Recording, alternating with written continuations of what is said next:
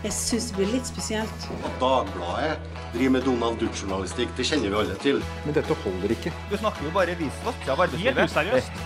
You are fake news. Go ahead.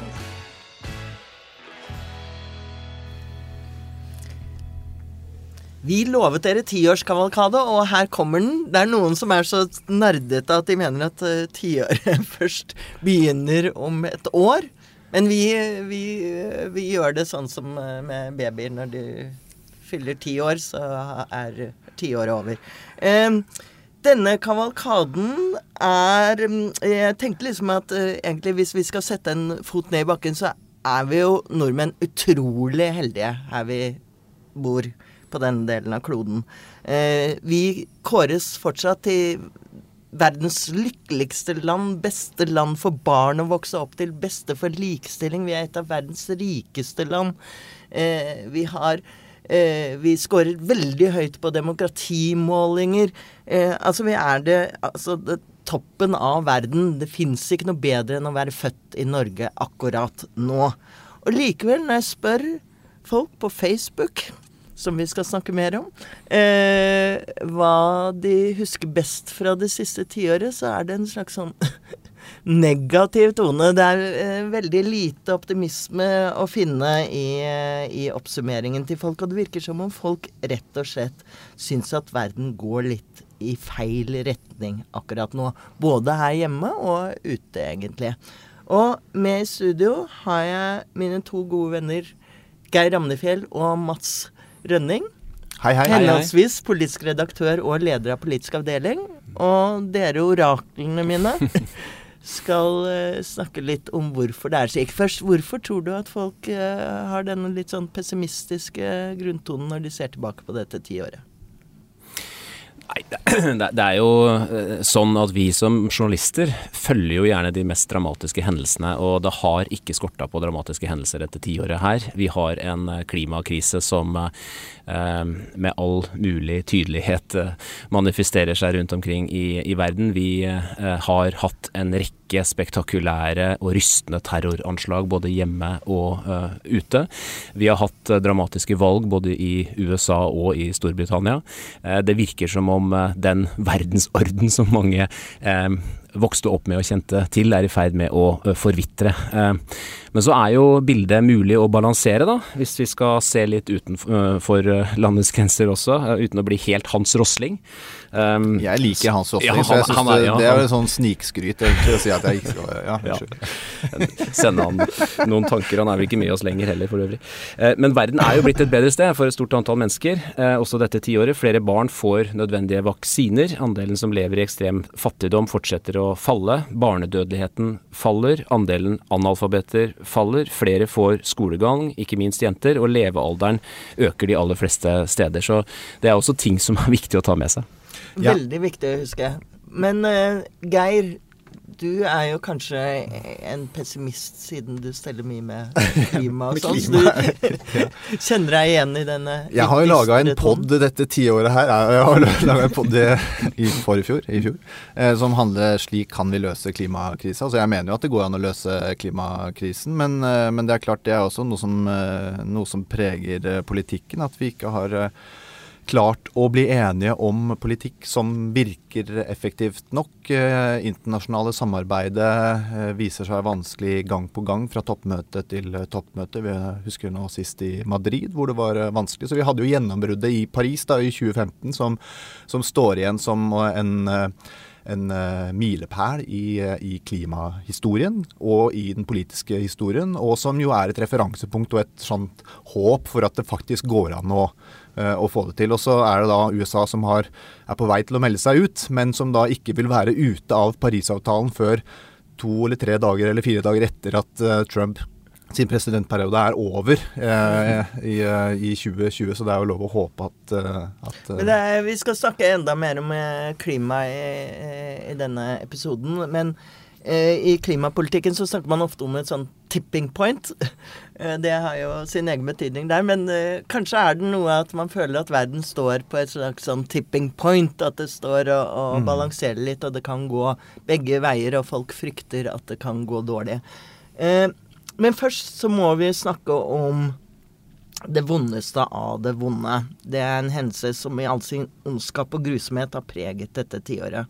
Og forandret oss som nasjon, vil jeg si. Og da snakker jeg selvfølgelig om 22.07.2011. Da 77 mennesker ble drept i det alvorligste angrepet på norsk jord i fredstid. Eh, de fleste av dem var barn og ungdom, og den yngste var 14 år. Det var selvfølgelig et politisk attentat mot myndighetene og det norske demokratiet, men først og fremst mot Arbeiderpartiet, egentlig. I et 1500 siders manifest beskrev terroristen hvorfor han mente Arbeiderpartiet og kulturmarxistene hadde ødelagt Norge gjennom å åpne for innvandring og fremme likestilling. Og høyreekstremisten Anders Behring Breivik fikk lovens strengeste straff og sitter nå isolert i forvaring. Men nå nesten ni år etter. Eh, hvordan kan vi, kan vi, si noe om hvordan eh, Norge, vi som eh, folk, og, og, politisk kanskje ikke minst, har taklet denne terrorhandlingen? Jeg syns at eh, det er et av de mest interessante eh, trekkene ved, ved det siste tiåret, når vi ser på den politiske utviklinga i eh, Norge. Vi trodde jo at 22.07, og da i ukene og månedene etterpå, så trodde vi at dette her skulle bli eh, grunnlaget for et ordentlig oppgjør med høyreekstremisme i, eh, i, Norge. Og så har det vist seg at eh, det har vært eh, også da politisk utrolig vanskelig å ta et grundig nok oppgjør eh, med, med, med høyreekstremisme. Og at til tross for at 22.07 eh, da var et attentat og en, eh, og, et, eh, og en nyhetshendelse som satte sitt preg på antageligvis hver eneste levende nordmann eh, i 22.07.2011 så, eh, så, går på en måte Norge og verden sin skjeve gang videre, og at uh, høyreekstremisme og fremmedfrykt er like mye til stede i norsk politikk, og preger politikken også på helt sånn sentrale punkt uh, fortsatt. Jeg, jeg mener jeg vil si fremveksten har vært uh, bare styrket seg. Vi, jeg husker vi leste det manifestet den gangen. Mye av det var jo inspirert av denne Fjordmann og Geza Viena, som var et sånt uh, mørkt sted på nettet. men det som sto der og sjokkerte oss dypt og inderlig den gangen, og fikk oss til å tro at uh, han var spikspennende gæren, er, uh, er, nå ganske vanlig å se i kommentarfelt rundt omkring under fullt navn. Ja. Uh, folk prøver selvfølgelig så godt de kan å ta avstand fra Behring Breivik, men, men det er mye av det samme tankegodset som nå er blitt litt sånn mer mainstream. Mm. Altså, Hvordan endte vi der? Det, det er Nei, merkelig. Ja, altså Anders Behring Breivik er jo blitt et forbilde for den høyreekstreme bevegelsen eh, i Norge og i, og i verden. Eh, og, og, det siste vi så nå, med angrepene i USA og i Christchurch på New Zealand, og så siden angrepet på moskeen i, eh, i Bærum, alle sammen knyttes jo til på en måte den samme metodikken, den samme framgangsmåten som Anders Behring Breivik eh, hadde.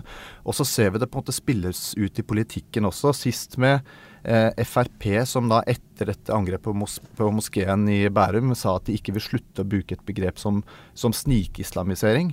Eh, og, eh, og, Erna Solberg som fortsetter å utnevne den klareste eksponenten for liksom den sjåvinistiske høyreradikale politikken til sentrale ministerposter. Da tenker jeg selvfølgelig på, på Sylvi Listhaug.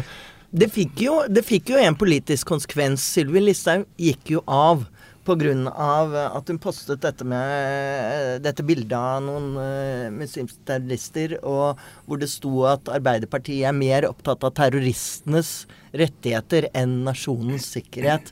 Og Mats, dette var jo en direkte Da kom plutselig 22. juli opp, og Arbeiderpartifolk, eh, politikere, eh, våget for første gang, følte jeg nesten, å si at dette angrepet var jo på oss. Ja, det hadde vært tilløp i stortingssalen tidligere også. Vi husker Per, eh, per, Sandberg bruke et uheldig begrep fra talerstolen om å spille offerkortet eh, etter spille offer etter 22.07. Så, så det hadde vært tilløp til det, men dette her ble jo en voldsom reaksjon. Og, og, Arbeiderpartiet fikk jo støtte fra Kristelig Folkeparti og Knut Arild Hareide, som ble skal vi si, tungen på vektskåla her. Det var et uh, flertall for mistillit mot Sylvi Listhaug, men hun tok konsekvensen av det og trakk seg før det kom til uh, avstemming i, i, stortingssalen. Så det var, det var høydramatisk, um, og en kraftig korreks, selvfølgelig, um, mot, mot, mot, henne og mot, uh, mot regjeringa. I tiden etterpå så har jo um, Jonas Gahr Støre antyda at man har vært eh, litt for lite tydelige i oppgjøret med disse holdningene. Um, Vegra seg kanskje i noen grad for å påpeke det helt opplagte, nemlig at Arbeiderpartiet eh, var et mål for terroristen 22.07. Eh, og han har varsla en eh, tydeligere tone i den, i den debatten. Eh, samtidig har jo Sylvi Listhaug også i ettertid eh, Eh, ikke gått tilbake på Altså, hun har forsvart sin eh, Facebook-post og ment at den har vært eh, ble misforstått og, og, og feiltolka. Ja, hun beklaga det i Stortinget to ganger, men i boka hennes som kom en tid etterpå, så mm. mente hun at det var Og innvandringspolitiske talsperson, eller talsmann heter det kanskje i Frp, Jon Helgheim, Eh, er jo litt sur for at uh, han ikke har fått mer kred for denne posten, for han mente at det var han som hadde, hadde postet den først. Så der har du den. Og det forholdet at den faktisk ble posta på Facebook, det sier jo også litt om dette tiåret som vi er en del av. Abs absolutt. Jeg, jeg, tenker bare litt uh, en forklaring på på at vi har hatt vanskelig for å ta den politiske oppgjøret, er jo litt at Jens Stoltenberg kjørte denne harmonimodellen Eh, rett etter 22.07, eh, og som sikkert var klokt, fordi folk var i sjokk. Det kunne gått uh, mange veier. Det kunne blitt oppbrudd og konflikter. I stedet så søkte han sammen at vi hadde rosetog. det var snakk om at det var et angrep på oss alle, på, på demokratiet osv. Og, så og det ble ikke nevnt liksom Arbeiderpartiet spesielt. Og det ble langt fra nevnt så veldig mye om uh, terroristens politiske tilknytning også. Og dermed så fikk vi jo ikke Det ble litt sånn tabu å snakke om uh, det politiske i attentatet. Ja, Den debatten som var slående i de dagene der og i årene etterpå, var jo hvorvidt politikerne og regjeringa hadde gjort nok for å sikre Norge mot slike anslag, enten de kom fra høyre- eller venstresida, for å si det sånn. Um, og det, det var, jo, var, jo, en av, av Erna Solbergs fremste uh, kort det i valgkampen uh, å angripe uh, regjeringa for unnfallenhet overfor f.eks. dette med Grubbegata, som ble veldig mye uh, brukt um, som, som, eksempel.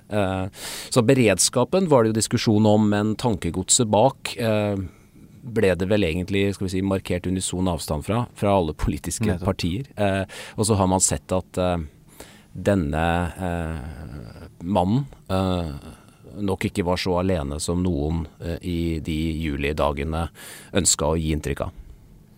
At uh, man sier ensomme ulver kommer også fra en flokk. Mm. Så det er eh, Kanskje vi skal snakke litt om Facebook Eh, det er kanskje, kanskje det som uh, har dominert uh, tiåret og forandret verden både i stort og smått. Og påvirket oss alle sterkt personlig. Jeg, jeg, tror jeg selv ble medlem av Facebook våren 2009. Jeg var ikke akkurat en kjempe-early adapter, men litt sånn tidlig ute. Men så har det jo da tatt fullstendig av i løpet av dette tiåret, og nå er er det knapt noen som er utenom Facebook. De står frem stadig i aviser og sier 'jeg er en som ikke er på Facebook'. Mm. Så rart mm. er det. Men, men, Facebook har jo da ikke bare fått uh, påvirket våre personlige liv. Det har nei, jo også uh, påvirket hvordan uh, verdensledere kommuniserer. Ja, det altså Dette her er jo en floskel, men, men, verden er jo blitt mindre også de siste ti åra. Nå går vi rundt med hele kosmos i lomma. Eh, både vårt eget lille mikrokosmos i form av venner og bekjente, e-poster, meldinger, egen musikk og bilder, men også den virkelig store verden. For når som helst så kan USAs president dukke opp i lomma vår eh, via Twitter, eh, og den meldinga han kommer med da, mottar vi samtidig som alle hans kolleger blant verdens ledere. Uh, og denne politiske diskursen som vi da ser, den griper nok også mer direkte inn i våre liv enn uh, før. Og la meg ta tre eksempler på det. Eh, det første er jo at man kanskje har sett at, at mennesker begynner å føle klimaendringene direkte på kroppen også her hvor vi bor, og det later til at flere nå føler en personlig ansvar for klimaendringene som kanskje ikke var like sterkt uttrykt før. Uh, og det har fått konsekvenser for mange mennesker som, som har endra måten de lever på. Det andre poenget er jo det vi snakker om med, med terrorisme. For, for uh, uh, det preger kanskje har gjennom det siste tiåret som har blitt beskrevet som terrorens tiår. Selv om, og det skal vi kanskje legge til, at uh, antallet ofre for terrorangrep har vært større historisk i f.eks. på 70- og 80-tallet, så, så, har vi et inntrykk av at terroren har kommet nærmere oss. Det er Hans Rosling som snakker igjen. Ja, Hans Rosling her. Ja. Nei, men den har jo det. Den har jo kommet nærmere oss fordi at den har slått til her hvor vi bor, og også på steder hvor vi reiser på, på ferie. Og, vi, og vi, eh, vi, vi, opplever kanskje denne terrorfrykten på, på kroppen på en annen, annen måte enn enn en før, bidra til, til å spre, spre, frykt. Vi husker jo hvordan de opplevde disse ulike anslagene som, som gikk for åpen scene i Frankrike, Belgia, Stockholm men, og Men der har det jo nettopp vært hver gang det skjer et terrorangrep, at eh, mm. husker spesielt Charlie Hebdo selvfølgelig, eh, og Nice, Stockholm, ja. Eh, så har det vært liksom det første sier at vi skal gå ut og ta byen vår tilbake. Og det føler jeg, føler jeg at folk får til. Mm. Er, eh, når man får det litt på avstand, så går livet heldigvis tilbake. Det er utrolig hva man blir vant til. Vi ser væpna politifolk på 17. mai, som var en veldig fremmed eh, et veldig fremmed bilde for noen år tilbake. Vi har fysiske skiller eh, i alle uh, verdens hovedsteder nå, som vi bare er blitt vant til å se. Det er sikkerhetskontroller på vei inn og ut av uh, alle offentlige bygninger. Eh, vi, vi, som har gått på disse pressekonferansene mange ganger, begynte jo liksom å, det, ja, å gå inn på eh, gjennom, gjennom altså disse sikkerhetskontrollene, og så var man, møtte man bare kanskje det med litt Bare for å komme inn hit nettopp, hvor vi sitter nå? Ja, man, man møtte det med en ergrelse i stunden, og så skjønner man at det var, var fullstendig, fullstendig fullstendig nødvendig. Um, men det, det, minner litt om sånn eh, Storbritannia, som var under beleiring av IRA i mange år. Uh, IRA-terror, i hvert mm. fall særlig London, og Nord-Irland selvfølgelig. Uh, og der var jo britene litt sånn stoiske Keep calm and carry on, mm. som de sa under, under annen verdenskrig, var det vel det begrepet oppsto, men som de har videreført.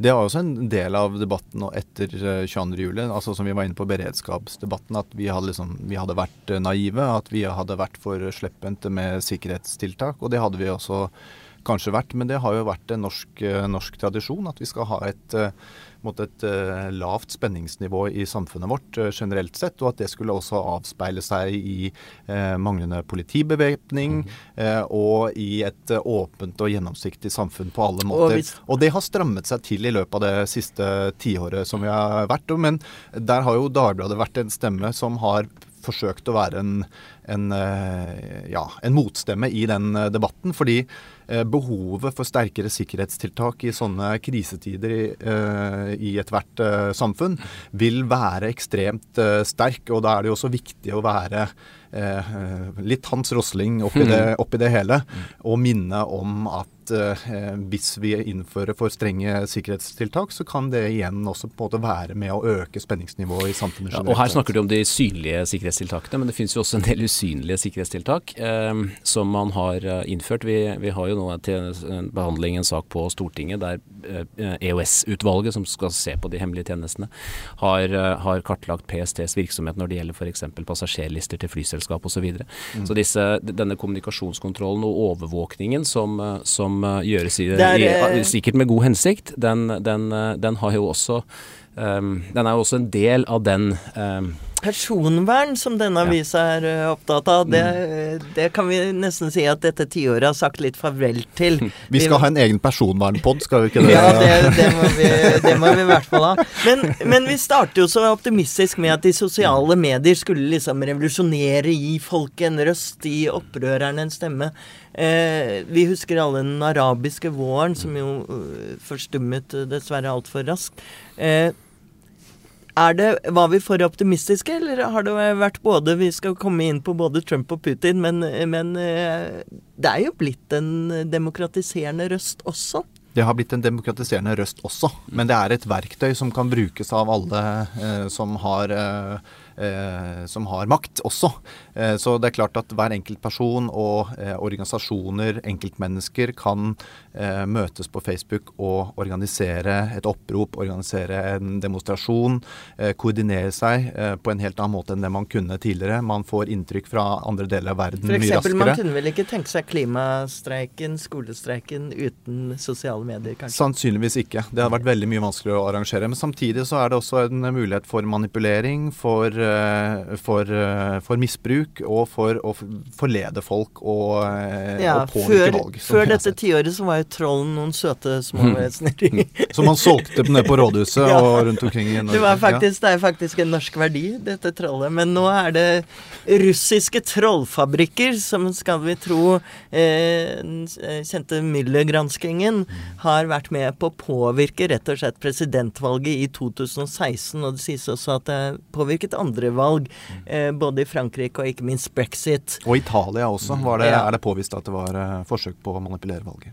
Ja, så Og da eh, er jo dette Det er rett og slett eh, god gammeldags propaganda som skal eh, destabilisere demokratier og ødelegge oss. Sasha Baron Cohen var det han som sa nå på slutten at eh, at Hitler hadde elsket jeg vet ikke om jeg parafraserer han, hadde elsket eh, Facebook. altså, han, man får noen muligheter som, eh, som, eh, som er Venneforespørsel du ikke vil ha i innboksen din. Og dette kombineres da med eh, autoritære lærere, eh, ledere som eh, lærere òg, kanskje. Eh, som, eh, som eh, Donald Trump, som eh, går til eh, frontalangrep på mediene hele tiden og undergraver deres troverdighet. Eh, vi kan vel si at vi av og til eh, bidrar til det selv. Absolutt. Eh, Men uh, han har da innført dette begrepet fake news, og at uh, pressen er the enemy of the people. Og så snakker han om mainstream media, altså de redigerte, tradisjonelle mediene. Dette, Dette, dette er jo nyord, er det ikke det? Sånn, altså, Det kan godt hende de har vært sagt før, men det er vel det siste tiåret vi virkelig har bitt oss merke uh, i disse, disse orda der. Fake, Ja. fake news og Og dette er det samme som har skjedd, som er urovekkende, syns jeg. At først så reagerer vi litt med sjokk og vantro. Kan man gjøre det? Eh, kan man oppføre seg sånn? Dette tar vi avstand fra. Nå ser jeg det overalt i min Facebook-feed og overalt at folk snakker om mainstream media og Og alternative fakta har vi også lært at det er et eh, begrep. Ja, riktig. Mm.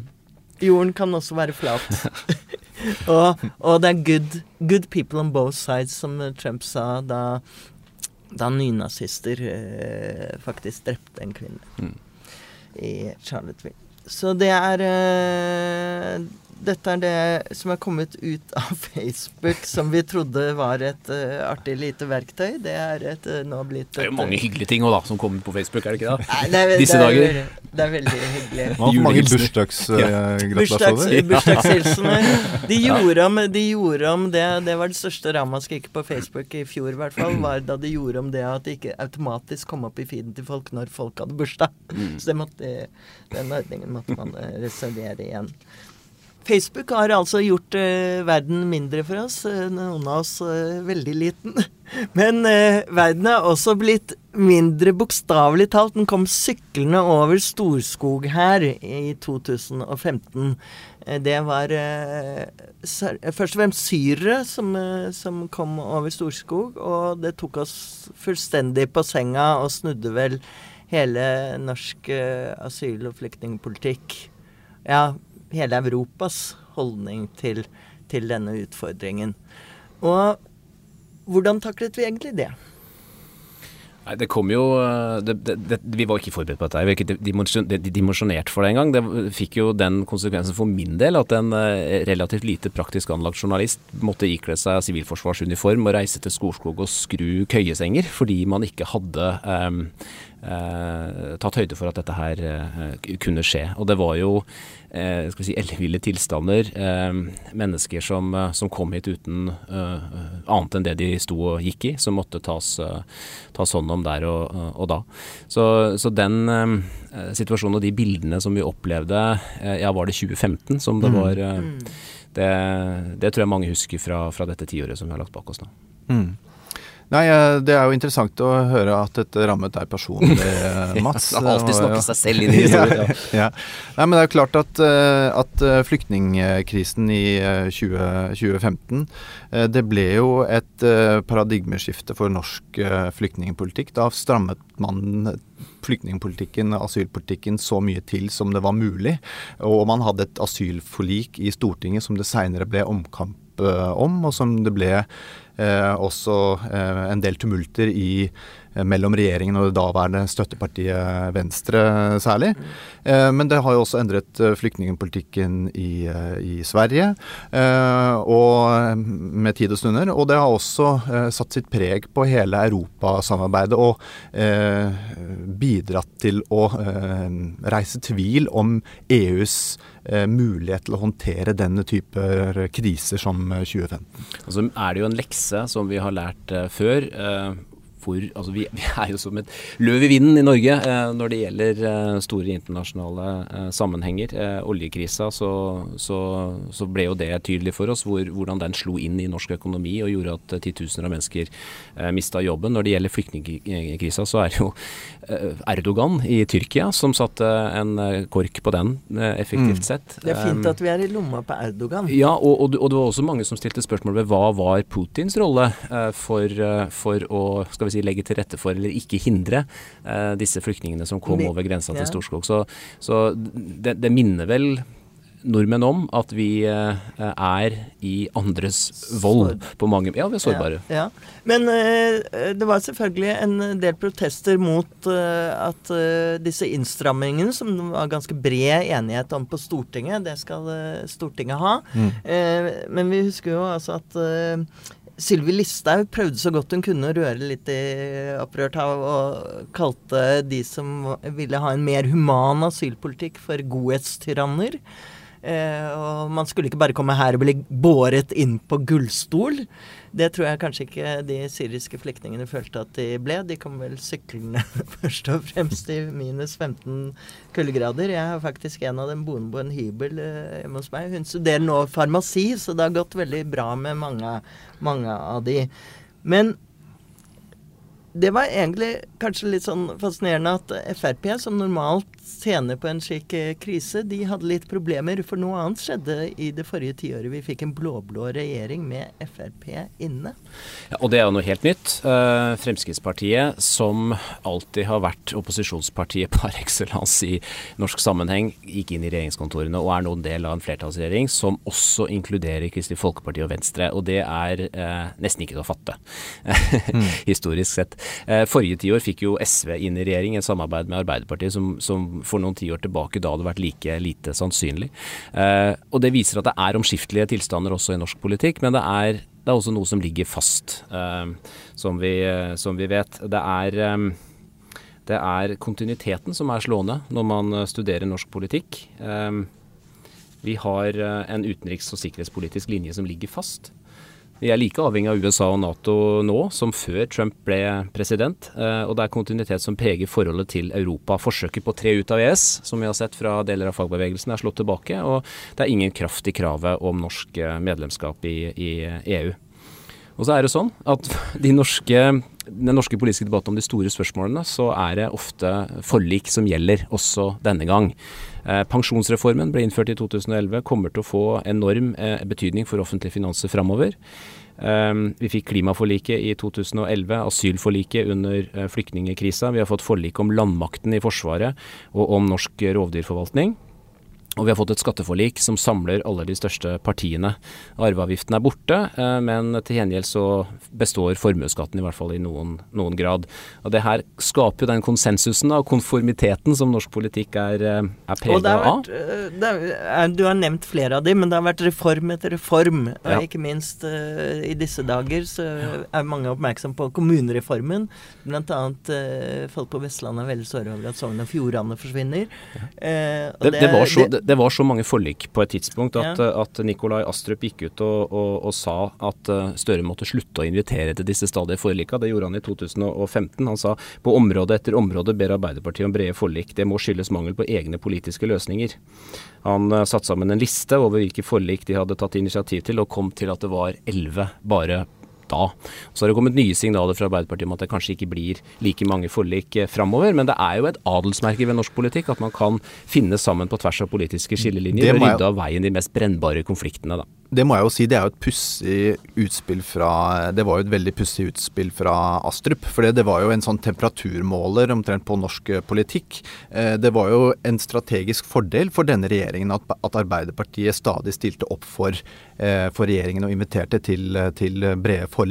Og det har vi jo sett i ettertid at det har de hatt problemer med. Det har gjort at Senterpartiet og SV og, og Rødt har hatt eh, mange muligheter til å komme med skyts mot Arbeiderpartiet, eh, med anklager om at de egentlig støtter denne regjeringens politikk eh, mer enn å drive opposisjonspolitikk. Mm. Så den, det utspillet til Astrup må jo, må jo antageligvis ha fungert nærmest som en politisk oppvåkning også i, blant deler av Arbeiderpartiet. At når de da får angrep fra de de eh, vi har forlik med, så får de jo problemer sjøl. Det har jo vært et tiår hvor Arbeiderpartiet har flere, flere årsaker, det skal de ha, har, uh, har falt. Og ørnen har landet, som du sa. Det gjorde den kanskje ved inngangen til tiåret, men nå i enda større grad.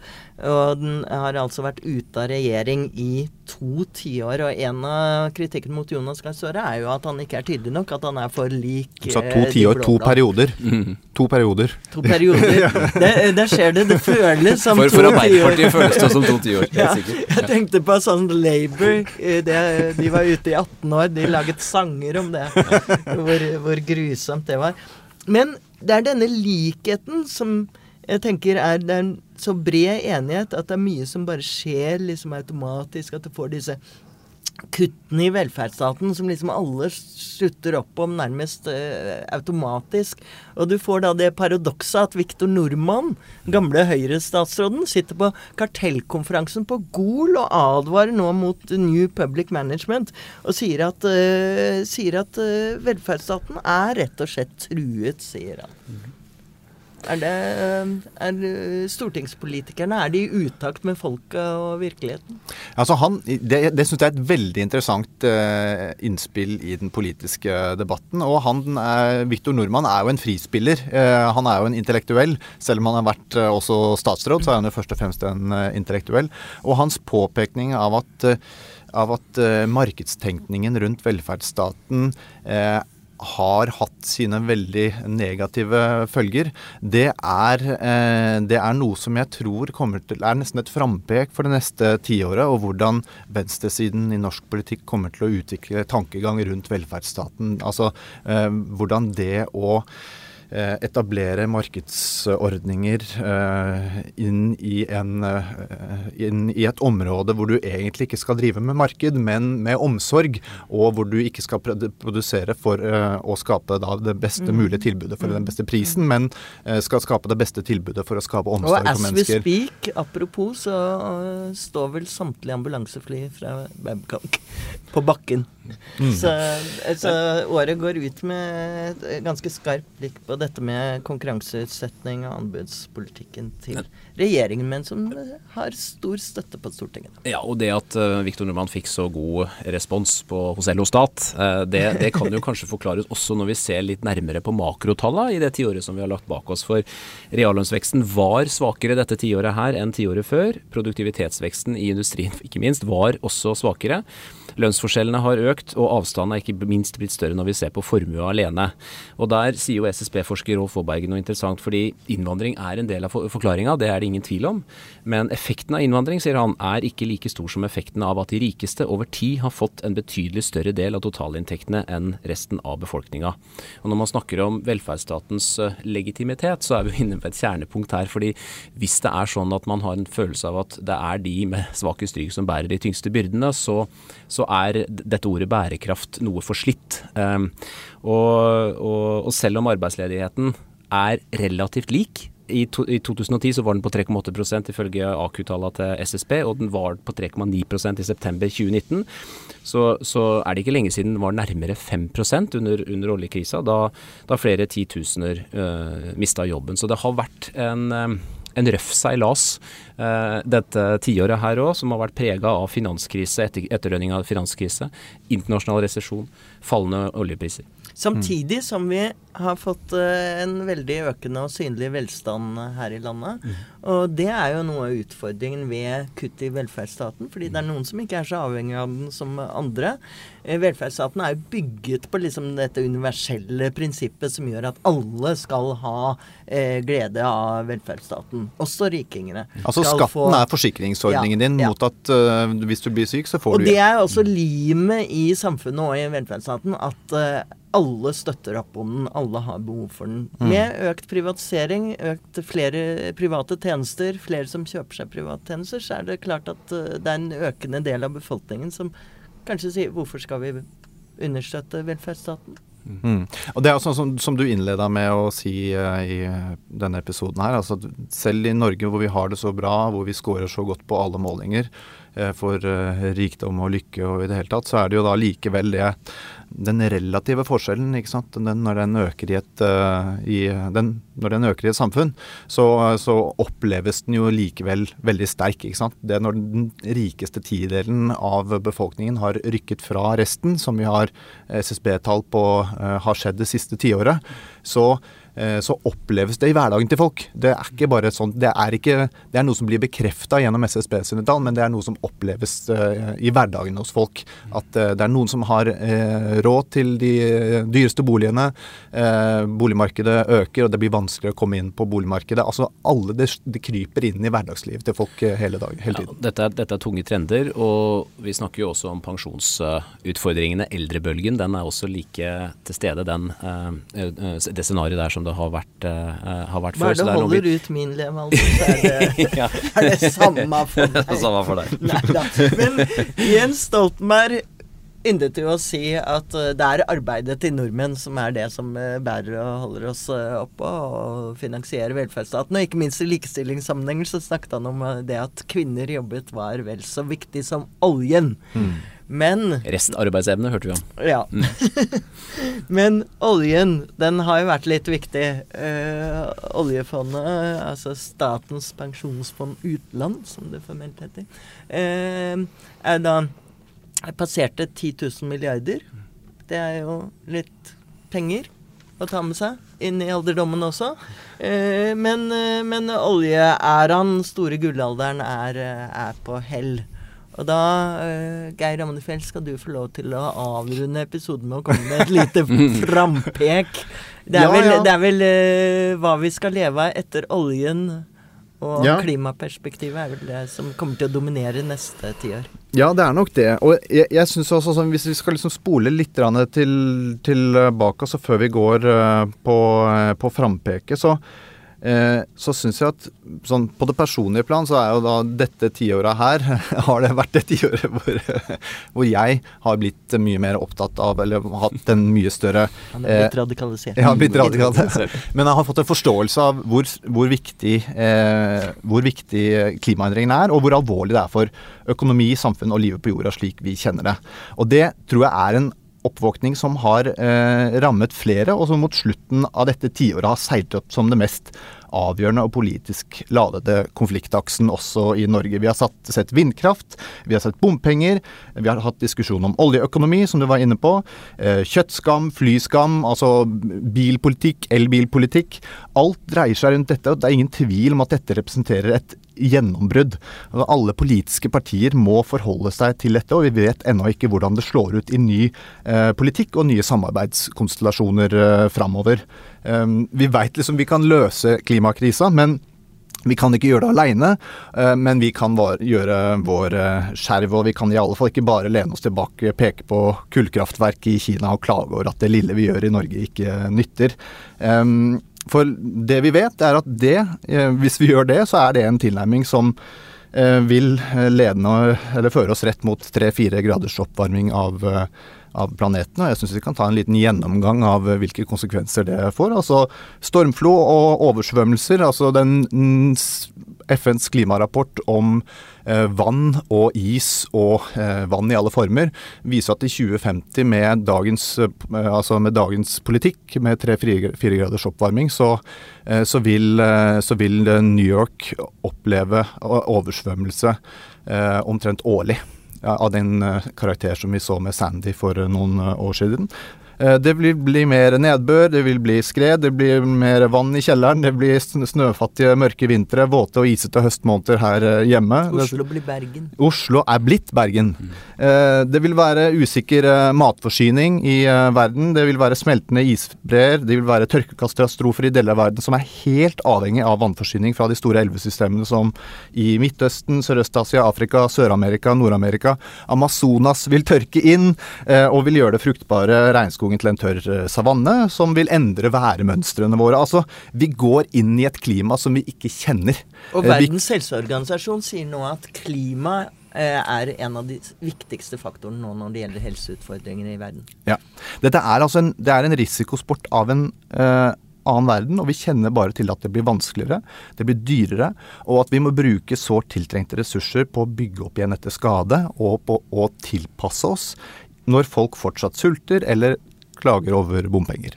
Så det er, så det er altså eh, en en eh, utfordring for verden som samfunn, for Norge som samfunn, som mangler sidestykke, eh, egentlig. Som mange sammenligner med en krigsmobilisering. Altså at du må sette inn så mye ressurser for å endre verdens energiproduksjon, for å tilpasse til klimaendringer som kommer, og til å eh, sørge for eh, ø, altså ellers utslippskutt over hele linja. Man skal endre økonomien. Norge i 2050 skal være nullutslippsland, f.eks. Det skal jo da helst hele resten av verden være også. Og da må man endre f.eks. la eh, norsk økonomi fra å være en oljeøkonomi til å være en økonomi på linje med alle andre land rundt oss som lever av, eh, av andre ting. Eh, ved inn, inngangen til tiåret så var jo liksom Jens Stoltenberg var statsminister og eh, var veldig opptatt av å være optimistisk. Vi skulle ha månelandinger, vi skulle fikse dette gjennom ny teknologi. Noe som har skjedd i løpet av dette tiåret, er jo at den tonen har forandret seg til at man nå kaller det en klimakrise og bruker mye sterkere ord. Eh, vil denne liksom alvoret i det, som nå eh, deles ikke minst blant unge, eh, vil det få, få lederne våre til å, å handle? Jeg, jeg føler at vi har måte kommet inn i en, et, eh, en ny tid da, når det, gjelder, eh, når det gjelder klimapolitikk og klimaendringer.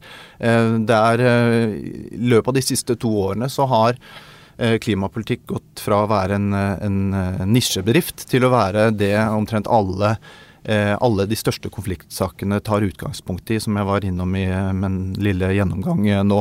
Og Vi ser f.eks. at eh, Fremskrittspartiet de eh, skifter i økende grad fokus fra eh, flyktningpolitikk, asylpolitikk og til eh, klimapolitikk. For de ser sannsynligvis at eh, Innen eh, flyktning- og asylpolitikken så er det ikke så veldig mye mer igjen å hente.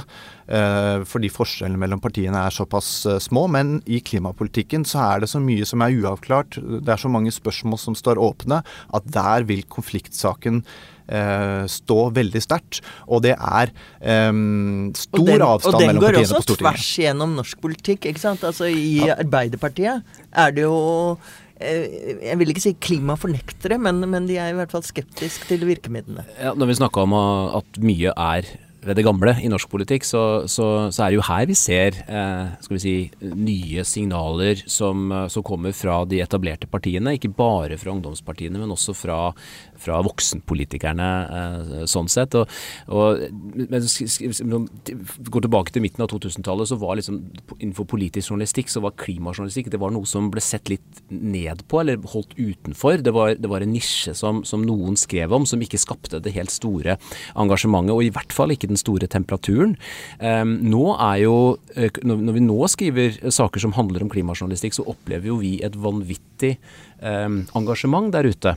Eh, og det er jo også en, en, eh, en ny eh, utvikling, som eh, du var inne på, Geir, de to-tre to, to, siste par åra. Hvor man liksom har gått bort fra å skrive om klimapolitikk som noe, noe teknisk og noe som lå fjernt fra folk, og som kanskje var eh, forbundet med karbonfangst Og lagring det og, lagring skyldes og jo kanskje nettopp at man har fått en sånn superstjerne som Greta Thunberg og slike frontfigurer, og som Ja. skaper et mer eh, grasrotengasjement. Og så er Ja. jo spørsmålet om polariseringa, da, som vi da ser i klimadebatten, er positiv eller negativ for altså, effekten av eh, altså For all politisk debatt skal jo ende, skal jo ende opp i, i eh, konkrete løsninger. og Da er spørsmålet vil man komme dit, eller er det partier som ser seg tjent med å heller ri sine kjepphester for eh, gallup-hensyn, framfor å bidra til konkrete politiske forlik og løsninger? Ja, ja, Hvis man skal se litt sånn i, som et sånt frampek for neste tiåret, så er jo uten tvil om at vi vil ha begge deler. For når det kommer en stor eh, politisk sak som uh, skiller veldig sterkt mellom partiene på Stortinget, og som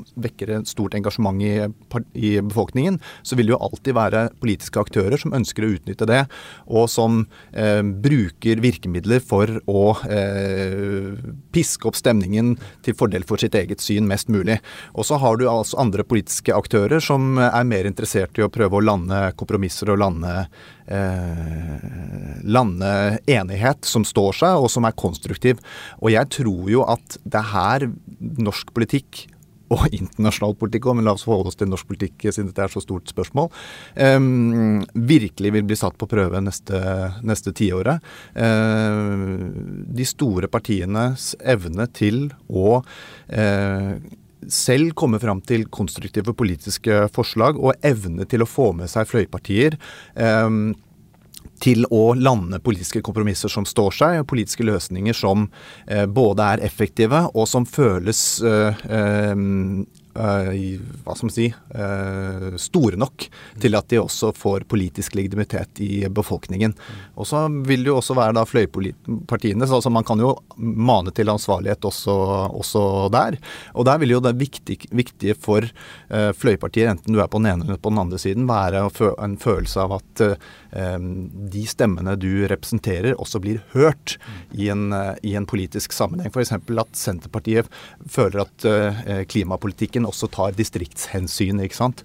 Eh, så, så, jeg tror at dette her er der hvor det, de vanskeligste politiske oppgjørene vil komme neste tiåret. Og selv om vi tror og mener at Norge skal ta sin uh, store del av ansvaret for dette her, så er vi jo avhengig av litt av hva som skjer ute i den store verden. Og det får vi kanskje svaret på noe av utviklingen allerede til høsten, hvor det skal være et lite presidentvalg. Mm. Dette var en eh, slags oppsummering av tiåret. Eller jeg vil si, det var ikke en uttømmende oppsummering. eh, da må dere bruke dette fine verktøyet Google. Eh, der er det mange fine ting å hente. Eh, men det var i hvert fall en, eh, en litt gjennomgang av det vi syns har vært viktige trender og hendelser i dette tiåret. Så får jeg bare ønske dere et riktig godt nytt år. Også dere mine to orakler, Mats og Geir. Tusen takk. Godt nyttår, Marie. Godt nyttår.